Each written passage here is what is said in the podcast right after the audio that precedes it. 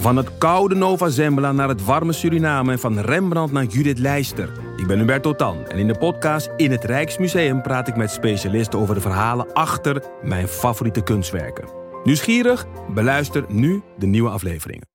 Liegen over een mondkapjesdeal die je hebt gesloten met de overheid. Een deal waarmee je miljoenen hebt verdiend. Dat doet toch alleen Siewert van Liende? Nou, nee.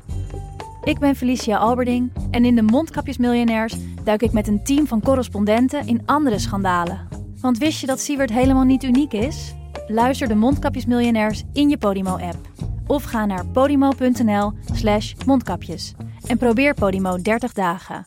podimo.nl slash mondkapjes. Hallo, vanaf de redactie van de Groene Amsterdammer is dit uw wekelijkse podcast. Ik ben Kees van der Bos.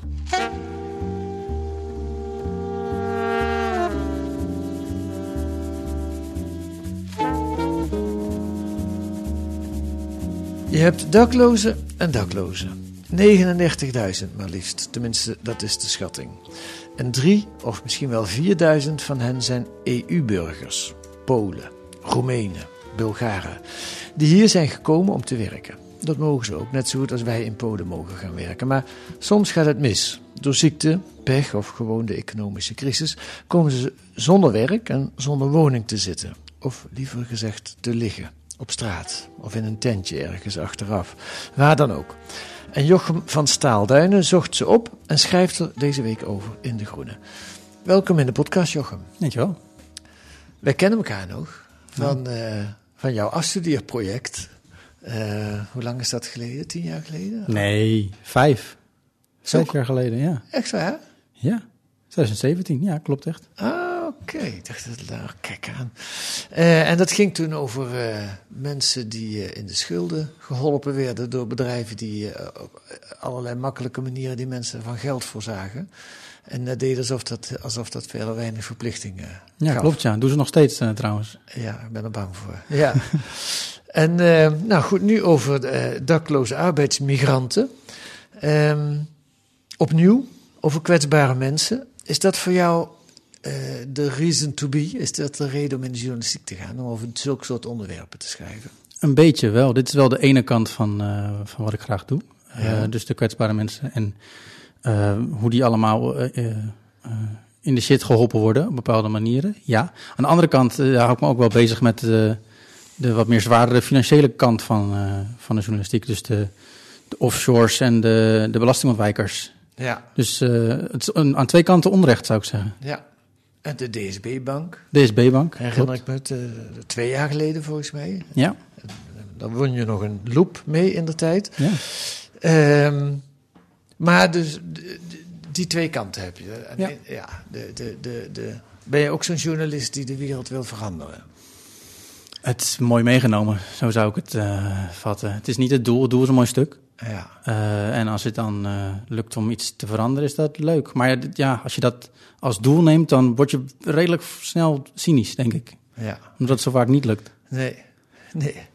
En gefrustreerd. Ja, precies. Ja, Om nog even terug te komen op die, die flitskredieten waar we net over hadden. Ja. Ik zag vandaag in het nieuws dat Marcel Boekhoorn eh, toch geen boete hoeft te betalen over wat hij, wat hij met Casper deed. Dat is ook zo iemand die, oh ja? ja, Met wat? Cashpo? Casper, dat is een, een, een- ook zo'n flitskredietaanbieder die, eh, die geld verdient met, eh, verdiende met dure leningen aan eh, arme mensen, kwetsbare mensen. Maar hij heeft toch geen boete betalen. Mooi meegenomen voor meneer Boekhorn. Ja, want eh, de rechtbank heeft, spreekt hem vrij, of wie, wie, heeft dat besloten? Ja, ehm, de details heb ik even niet paraat, maar het gaat erom dat hij eh, een vergunning had in Malta en een bijkantoor in Nederland. En op het bijkantoor heeft hij de boete gekregen, maar dat, dat het werkt toch anders. Ja, ja. Meneer Boekhoorn kan vast goede financiële Precies. adviseurs betalen. Goed, we gaan het niet over flitskredieten Nee. hebben, Jochem. We gaan het over eh, dakloze arbeidsmigranten hebben. Ehm, waarom? Hoe kom je hierop? Ehm, het is een onderwerp dat me al jaren interesseert. Ik, eh, ik, heb, ik heb in Roemenië gewoond, eh, twee keer. En ehm, Onlangs nog, hè? Of, in 2018 eh, voor het laatst. ja? Eh, en daarvoor ook een keer als student. Eh, en ik, ik, ik kwam terug en ik, ik sprak de taal en ik wilde er iets mee doen. En ik wist nog niet zo goed wat. Je spreekt Roemeens. Ik spreek Roemeens, ja, Ja. vloeiend. Eh, en ehm, op, ik, ik heb toen een tijdje voor, voor Trouw, was ik regencorrespondent Rotterdam-Den Haag. Toen heb ik daar een aantal artikelen over arbeidsmigranten eh, getikt. Ja. Op allerlei verschillende onderwerpen, zoals hè, de, de huizenmarkt en ehm, eh, integratie. Eh, en er was één onderwerp waar ik niet zo goed mijn vinger achter kreeg. En dat was dakloosheid. Want die mensen zijn niet zo goed te vinden. Ehm, en eh, het is, de, de instanties zijn een beetje moeilijk. Ehm, ze, ze proberen allemaal vooral de daklozen te beschermen. Ehm, dus ik, ik kon er niet zoveel mee. Maar ik ben ze het proberen onderwerp- allemaal de daklozen te beschermen, bedoel je? Nou, als je zegt, doe mij eens een dakloze voor een interview, dan zeggen ze nee. Oh, op die manier. Ja, ja. Eh, dus je moet daar echt tijd in investeren. Het kost een hoop moeite om, om ergens binnen te komen. Je moet echt mensen overtuigen. ja. En eigenlijk stond dus nog op mijn lijstje om dat een keer te doen. Eh, en ehm, eh, op die manier ben ik er eigenlijk, heb ik het eigenlijk bewaard voor, voor dit onderzoek. Ja. En dit is een onderdeel van een groter project, hè? begrijp ik? Want het plan is om een boek te gaan schrijven. Het plan is een boek. Ehm, eigenlijk was toen ik begon met, toen ik die, die serie voor Trouw het maken was, dacht ik al na over een boek. En dat gaat er nu, ko- nu komen, dat is al eh, eh, bekend. En dit, dit verhaal over die daklozen is een stap op weg naar het boek. Het, Ja. boek. het boek gaat over iets grotere groep, dus niet alleen daklozen, maar ook...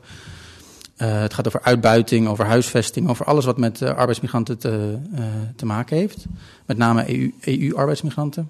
En dan de, de, de problemen met name. Ja, problemen. De je onder, hebt het gaat over de onderkant. Je hebt Ja. natuurlijk ook heel veel, goed om goed je het zegt, Ja. heel veel succesvolle migranten, hoogopgeleide eh, mensen die, eh, die uitstekend op hun plek zitten. Ja, meer dan 800.000 volgens het CBS eh, we- buiten, mensen van buiten Nederland werken hier. Ja, dat zijn ook Engelsen en Spanjaarden. Ja. Dus, eh, de- maar ja, wel ja, 180.000 Polen bijvoorbeeld. Ja, heel veel, Heel, heel veel. Dat, is- dat is het grootste land. heel veel. Ja, Eh, en over, over die groepen gaat het boek. Maar ik wilde dus daklozen als stap apart nemen.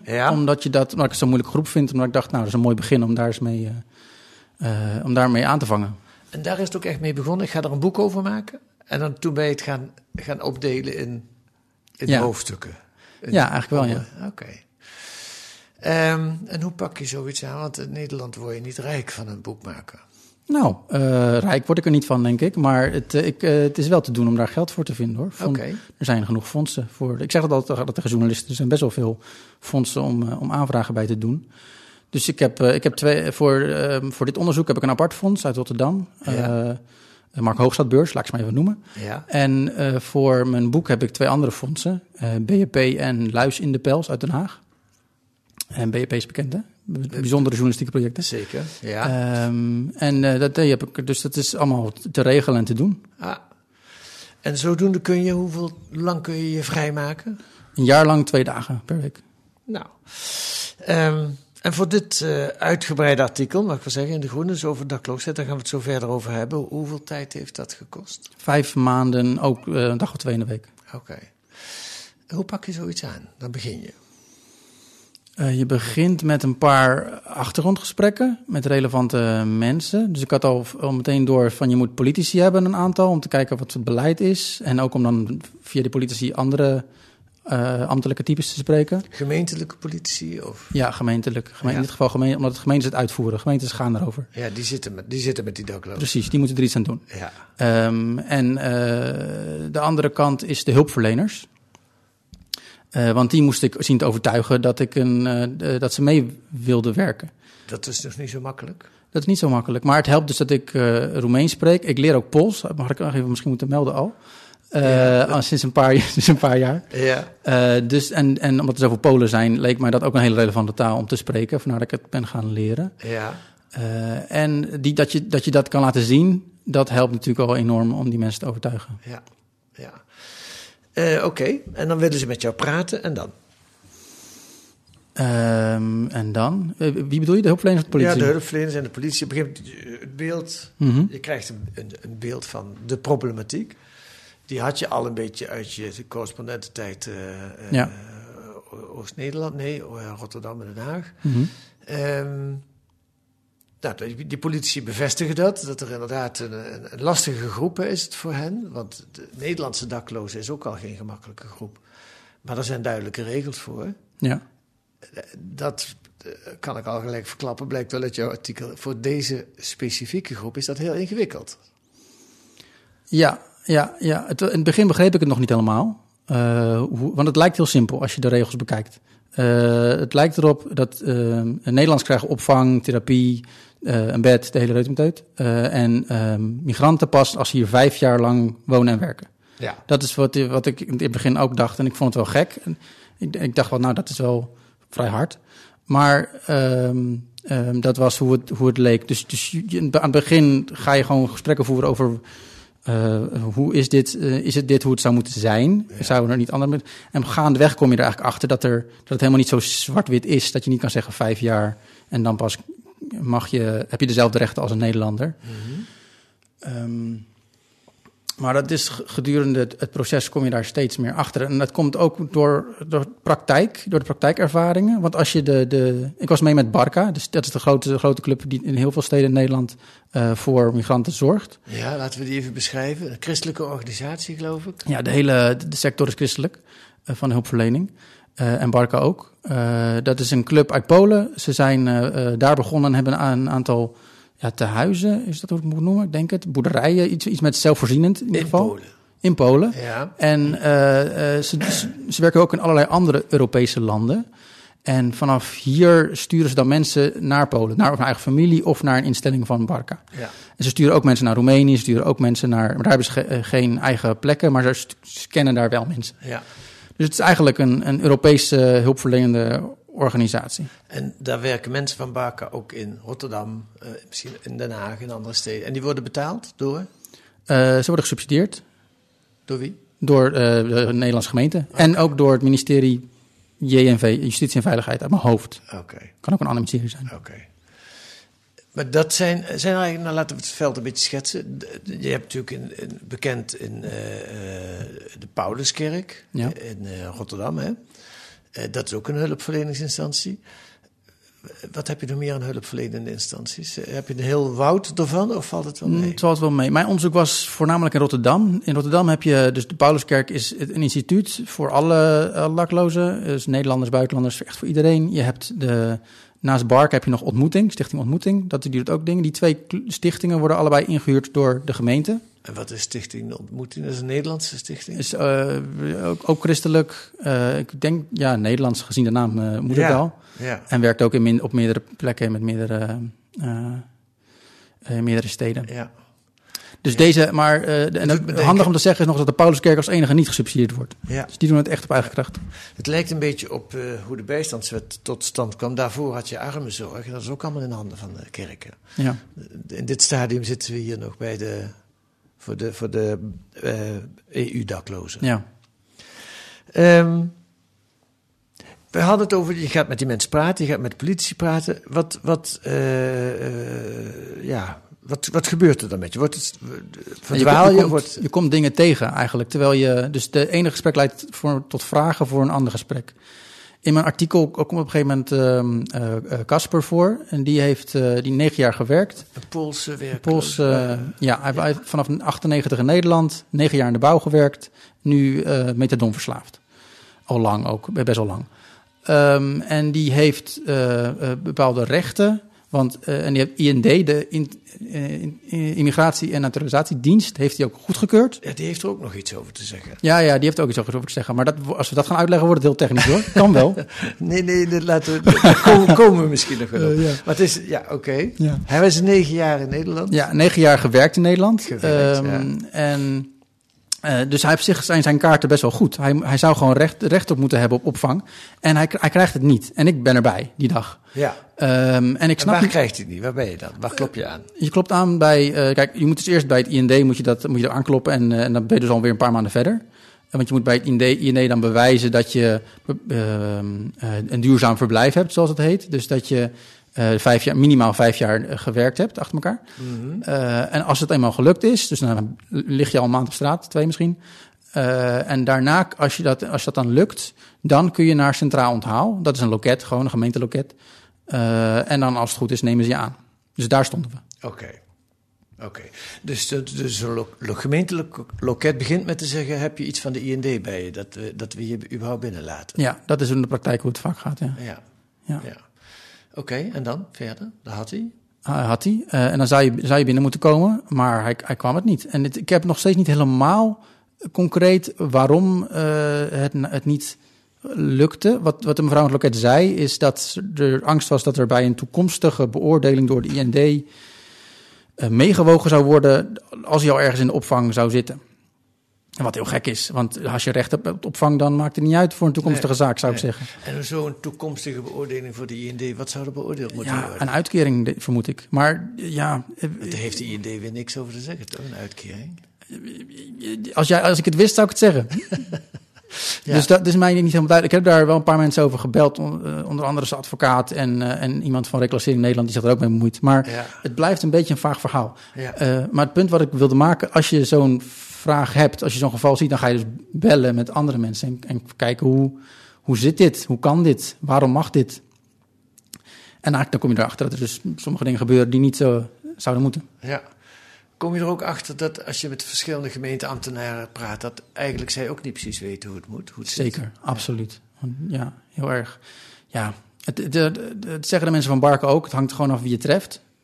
Ze weten ook zelf ook vaak al wie ze moeten bellen. Dat is voor hen iets makkelijker. Die mensen van Barken, die weten ja, al welke. Van Barken. Maar ja. ik, had een, ik had een belrondje gedaan langs uh, vier steden met een specifieke vraag. In mijn artikel heb ik het over de categorie werknemers. Ja.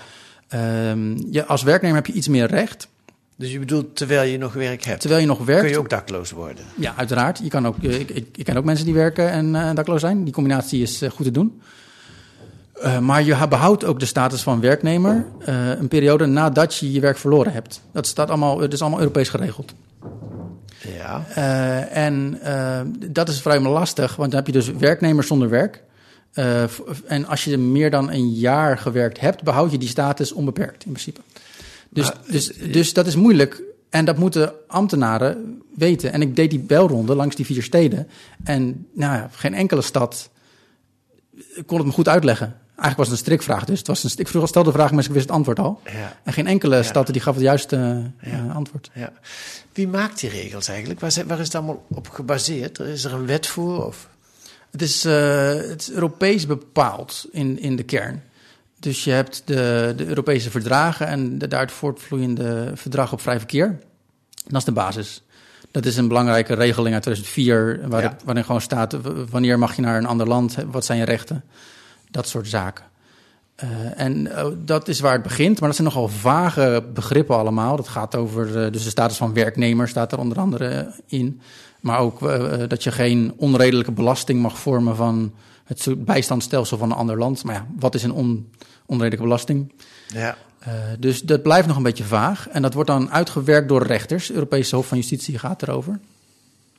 Eh, en die kunnen, dat dan, eh, die kunnen daar dan bovengrenzen, ondergrenzen aan stellen in theorie. Ja. In de praktijk doen ze dat vaak niet.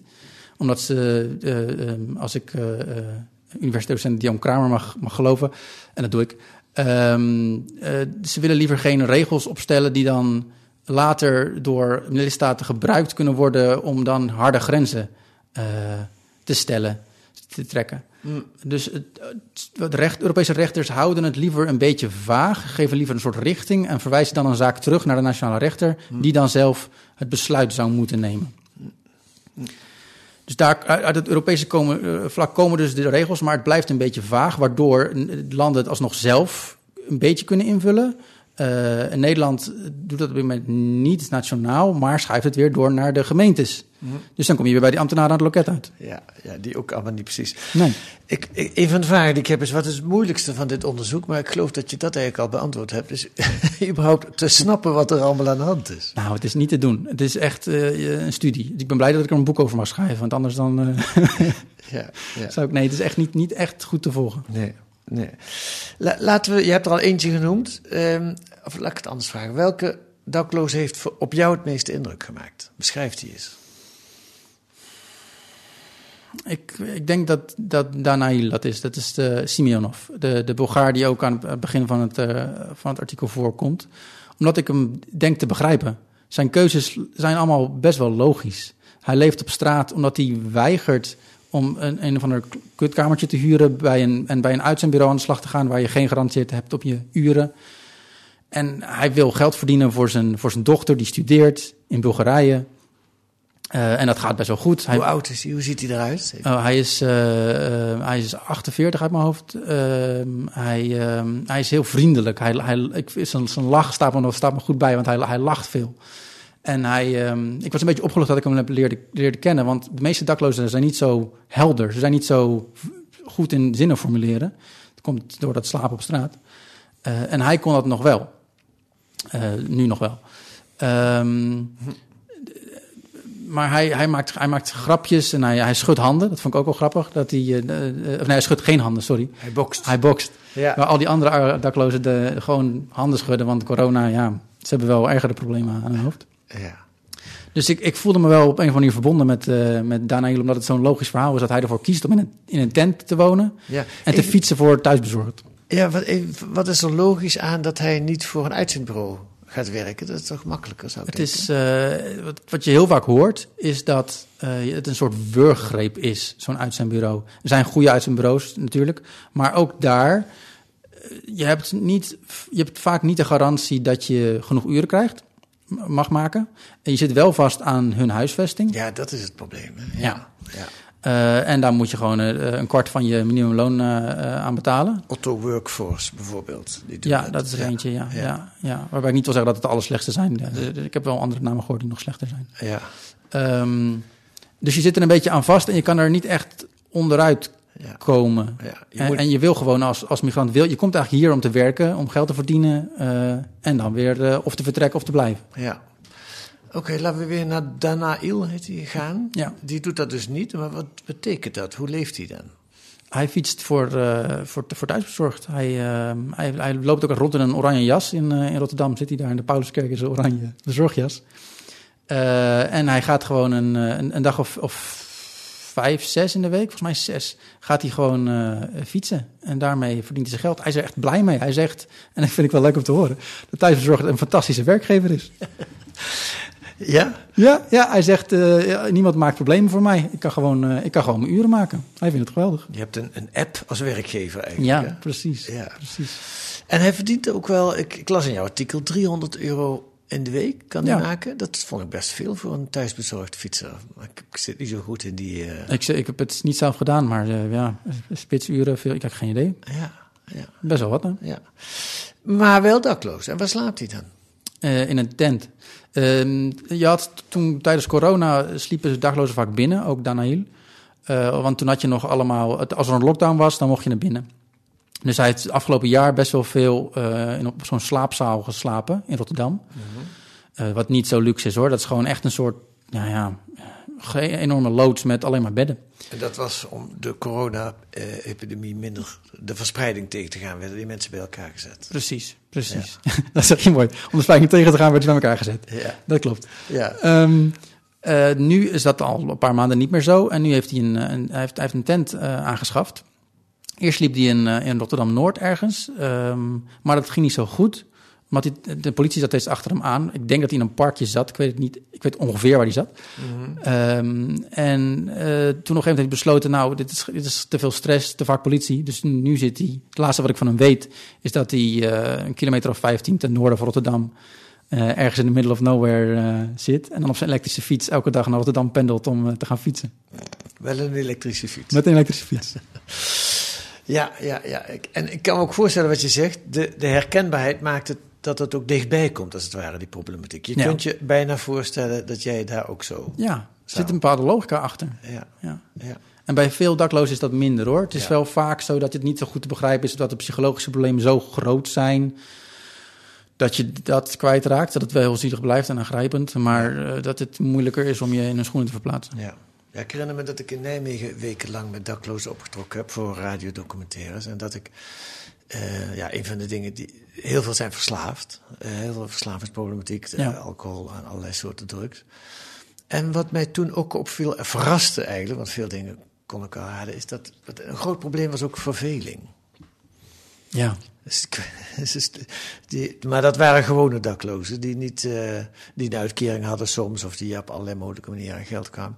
Maar ik weet niet, heb je, ben je dat ook tegengekomen als probleem? nou, ze hebben wel alle tijd, waarbij Daniel dan weer net de uitzondering is, want die heeft werk. Ja, Maar eh, in principe hebben daklozen ja, niet zo heel veel eh, te doen. Ze zitten er een, be- een beetje in de, in de Pauluskerk, met name in Rotterdam, eh, gewoon te zitten en, Ja. en, te, en te, ja, te wachten er- Ja. ergens op. In Nijmegen werden ze bij één bepaalde opvang 's morgens de straat opgeschopt. Om negen uur of zo moesten ze het pand verlaten. Ja, Ja, liepen ze daar de hele dag. S'avonds om half zes mochten ze erin. Wat moet je dan doen de hele dag? ja, rondhangen. Ja, ja. Ehm, hey, laten we het eh, probleem eh, oplossen. Wat eh, Jochem van Staalduin, u wordt gevraagd bij de gemeente Rotterdam om het eens aan te pakken. Hoe, eh, eh, ja, dan, dan vraag ik dat aan jou, omdat jij met allerlei experts gesproken hebt. Mhm. Ehm, wat, wat, wat raad je aan? Wat, wat heb je gehoord? Ja, eigenlijk zit je, als je zegt bij de gemeente Rotterdam, zit je eigenlijk verkeerd. Want je moet, eh, het, wat mij betreft, Europees oplossen. Dat lijkt mij het, het beste. Oké.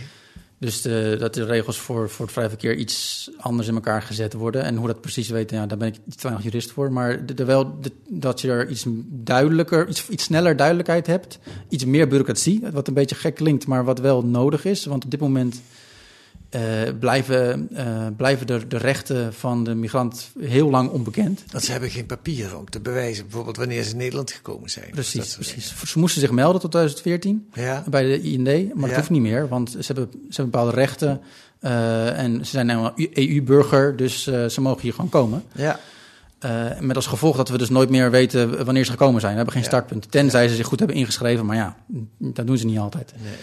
Eh, dus een beetje bureaucratie erbij zou ook wel, eh, wel handig zijn. Eh, en, en dat zou eigenlijk het begin, het begin zijn. Ja. Binnen Nederland, en vooral bij Rotterdam, zou je nog kunnen zeggen: we gaan iets, eh, iets meer kijken naar wat de mensen nodig hebben. Je, er zijn eigenlijk twee benaderingen. Je kan ook zeggen: we mo- we moeten harders hard zijn. Dat is ook wat eh, eh, veel politieke partijen vinden. Is dat ook kijk, wat de huidige benadering kenmerkt, vind je? Zijn, zijn we hard tegen deze mensen? Ja, ja, wat we nu doen is eigenlijk een soort een twee-sporenbeleid. Aan de ene kant zetten we mensen uit die overlast veroorzaken. Eh, dat is een lang eh, proces. Dat duurt, je moet ook dossiers opbouwen van die mensen dan, boetes en zo. En het duurt eindeloos. Ze kunnen weer een keer bezwaar aantekenen. Het schiet niet echt op, maar Rotterdam claimt dat het wel werkt. Dat, ze dat de mensen weggaan. Dan heb je het En over wegblijven. tientallen per jaar. hè? Het gaat niet om grote aantallen. Nee, Rotterdam 46 vorig Ja, jaar. Ja. Ehm, eh, dat is één. En spoor twee is vrijwillige terugkeer of aan het werk helpen. Waarbij de nadruk ligt op vrijwillige terugkeer. En dat doet Barca dan. Ja. Eh, dus die helpt ze gewoon om weer weg te gaan. Of Ja. als, als ze erg fit zijn om, ze, om nieuw werk te vinden. Ja. Dat kan ook. Maar de hardheid bestaat er ook in dat als je als dakloze aanklopt, dat je heel vaak geen onderdak krijgt. Ja, dat is de hardheid. Ja. Dat is de hardheid. Dus, dus ja, Ja, ik- ja. Twee, goed, dat zeg je Ja, goed. ja. Twee sporenbeleid betekent in geen geval is het opvang. Dus, want als je, ze- als je ze wegstuurt, een dossier opbouwt, dan, Ja. dan slapen ze op straat. En als je zegt, je moet terug naar eigen land, slapen ze ook op straat. Ja. En waarom? Wat is de logica achter die hardheid? Want het geeft alleen maar problemen, ook in de gemeentes.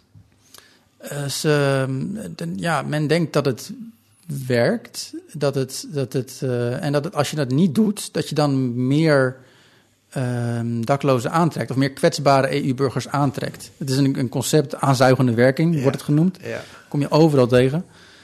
Het idee dat als we, als we te veel hulp bieden, dat je dan eh, overlopen wordt door, eh, door eh, uitkeringstoeristen. Alsof mensen... Ja goed, bij de uitkering kan ik me nog iets voorstellen. Maar gewoon opvang en een slaapplaats bieden, dat zullen mensen Nou, toch ook bij een uitkering is dat niet zo. Als je, ehm, ik heb er Helga de Valk over gesproken van NIDI. en die, die zei, ja, mensen die hier komen, als je ze gaat interviewen, heeft ze gedaan, Ja, dan komen ze voor het werk. Ja. Dus ze willen weten een goed salaris, ze willen weten, ken ik er iemand, kan ik er een beetje Engels praten? Dat soort zaken. S- niemand verdiept zich in de uitkeringen. nee. Dus het, is, het, het, het bestaat niet in de, die zin eh, dat mensen vanuit Roemenië naar Nederland komen om, eh, om van ons geweldige sociale stelsel gebruik te maken, waar ze dus niet eens recht op hebben. Eh, het, het bestaat wel op een iets minder niveau, op een iets kleiner niveau. Namelijk als je eenmaal dakloos bent, eh, en je raakt je huis kwijt in, laten we zeggen, Leiden. En je hoort dat de Pauluskerk Rotterdam eh, een best wel eh, relaxte plek is. Dan kun je de overweging maken om daarheen te gaan. Omdat het daar warm is. Je krijgt een broodje. Ja, Ja, en dat ze in Leiden geen Pauluskerk hebben.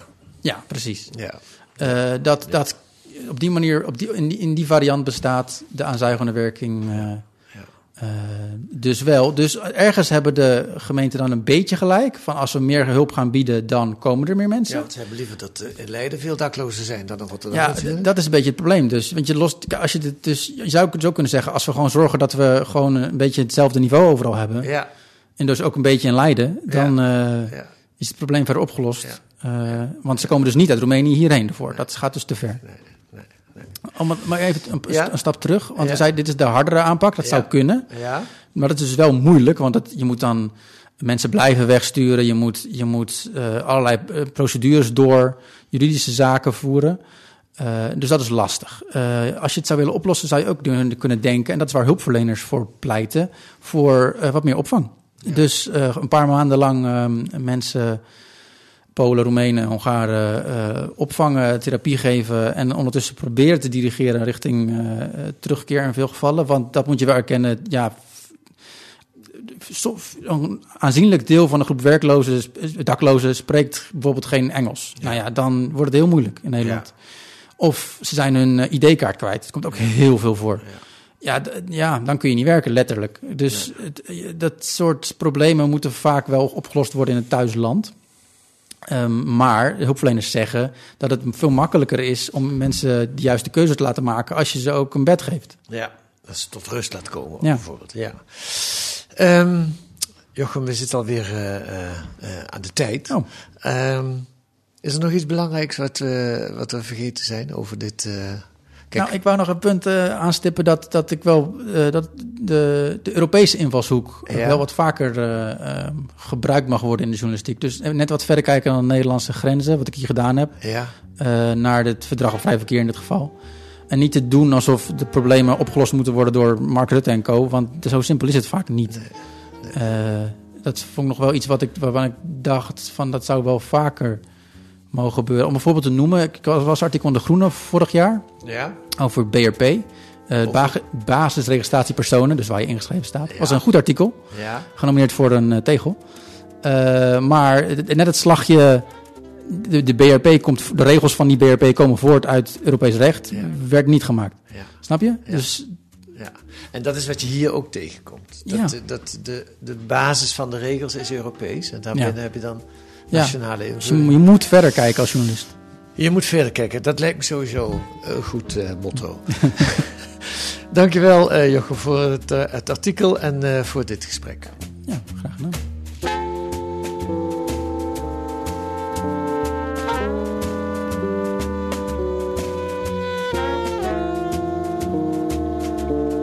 Wat staat er nog meer in De Groene deze week? Een profiel van het Frankrijk van Emmanuel Macron. De Franse president trof zijn land in 2017 verscheurd aan. En vijf jaar later zijn de tegenstellingen nog groter, concludeert Marijn Kruk in zijn laatste stuk als Frankrijk-correspondent. En een onderzoek naar de dubbele petten van de prominentste Nederlandse Alzheimer-onderzoeker die de wetenschap combineert met commerciële activiteiten in de farmaceutische industrie. Dat kunt u lezen met een abonnement of een proefabonnement. Ga dan naar groene.nl. Daar krijgt u 10 weken de groene voor 15 euro. Groene.nl. Wilt u reageren op deze podcast, dan kan dat via de mail. Ons adres is podcast.groene.nl. De komende vijf weken ben ik er niet, dan is Stefan Sanders er. Die zal de komende weken uw presentator zijn. En vanaf juni ben ik er weer.